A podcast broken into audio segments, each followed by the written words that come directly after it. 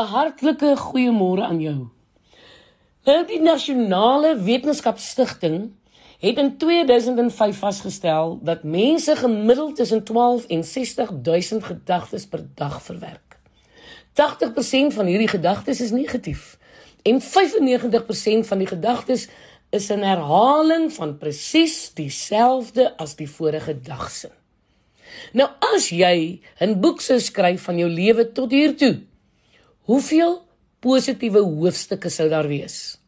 Jou gedagtes en jou gemoedstoestand bepaal jou lewenskwaliteit en wat jy doen en bereik in die lewe.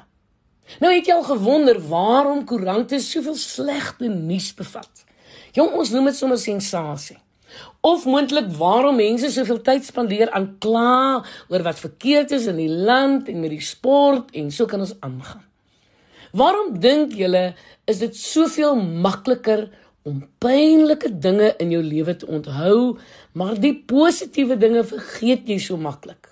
Die antwoord is die brein verkies negativiteit. Die wetenskaplikes noem dit die natuurlike negatiewe voorkeur. Dis hoe dit werk. Wanneer 'n baba gebore word, reageer hy op sy ma en pa se glimlagte en gekoer. Dis nou positiewe hantering. Jong maar voordat hy 'n jaar oud is, begin sy brein vinniger reageer op negatiewe boodskappe. En dit is om seker te maak dat die kind oorleef. Die brein vorm kortpaaie na die emosionele geheue toe en die ma raps hom tot hy huil wanneer sy vingers in die kragprop gedruk word. En dit is om seker te maak dat hy hieruit sal leer. Nou hierdie patroon hou nie op nie, ongelukkig nie. Positiewe ervarings vloei ongelukkig deur die brein soos water deur 'n sif. Ons hou daarvan, maar vergeet hulle binne oomblikke. En op dië manier word ons gekondisioneer om meer breinspasie aan negatiewe as positiewe gedagtes af te staan. Hoekom? Want dit is deel van ons oorlewing. Maar ons is nie net op aarde om te oorleef nie. Ons is hier om 'n vol en 'n gelukkige lewe te lei. En hierdie negatiewe voorkeur maak dat ons so op die negatiewe fokus dat ons die positiewe dooddruk.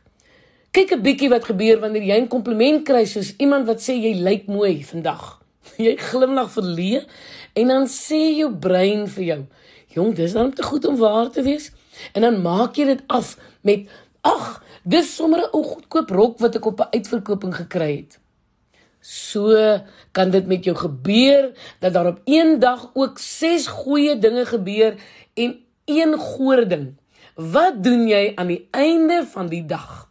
Man, jy vroeg oor die een slegte ding en jy vergeet heeltemal van die 6 lekkeres. Of moontlik gee jou bestuurder vir jou terugvoer op jou werk.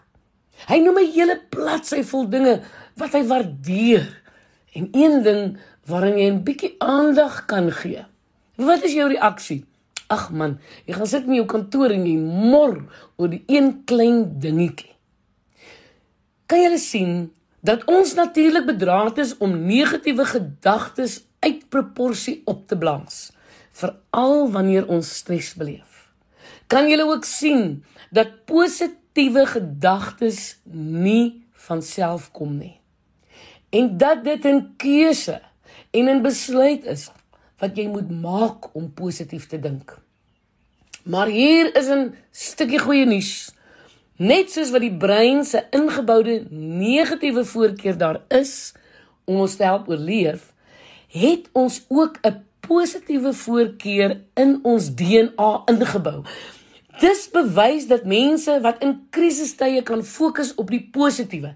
En hier wil ek verwys na God, na sy beloftes, na die wonderlike woord wat vir ons hoop en geloof gee.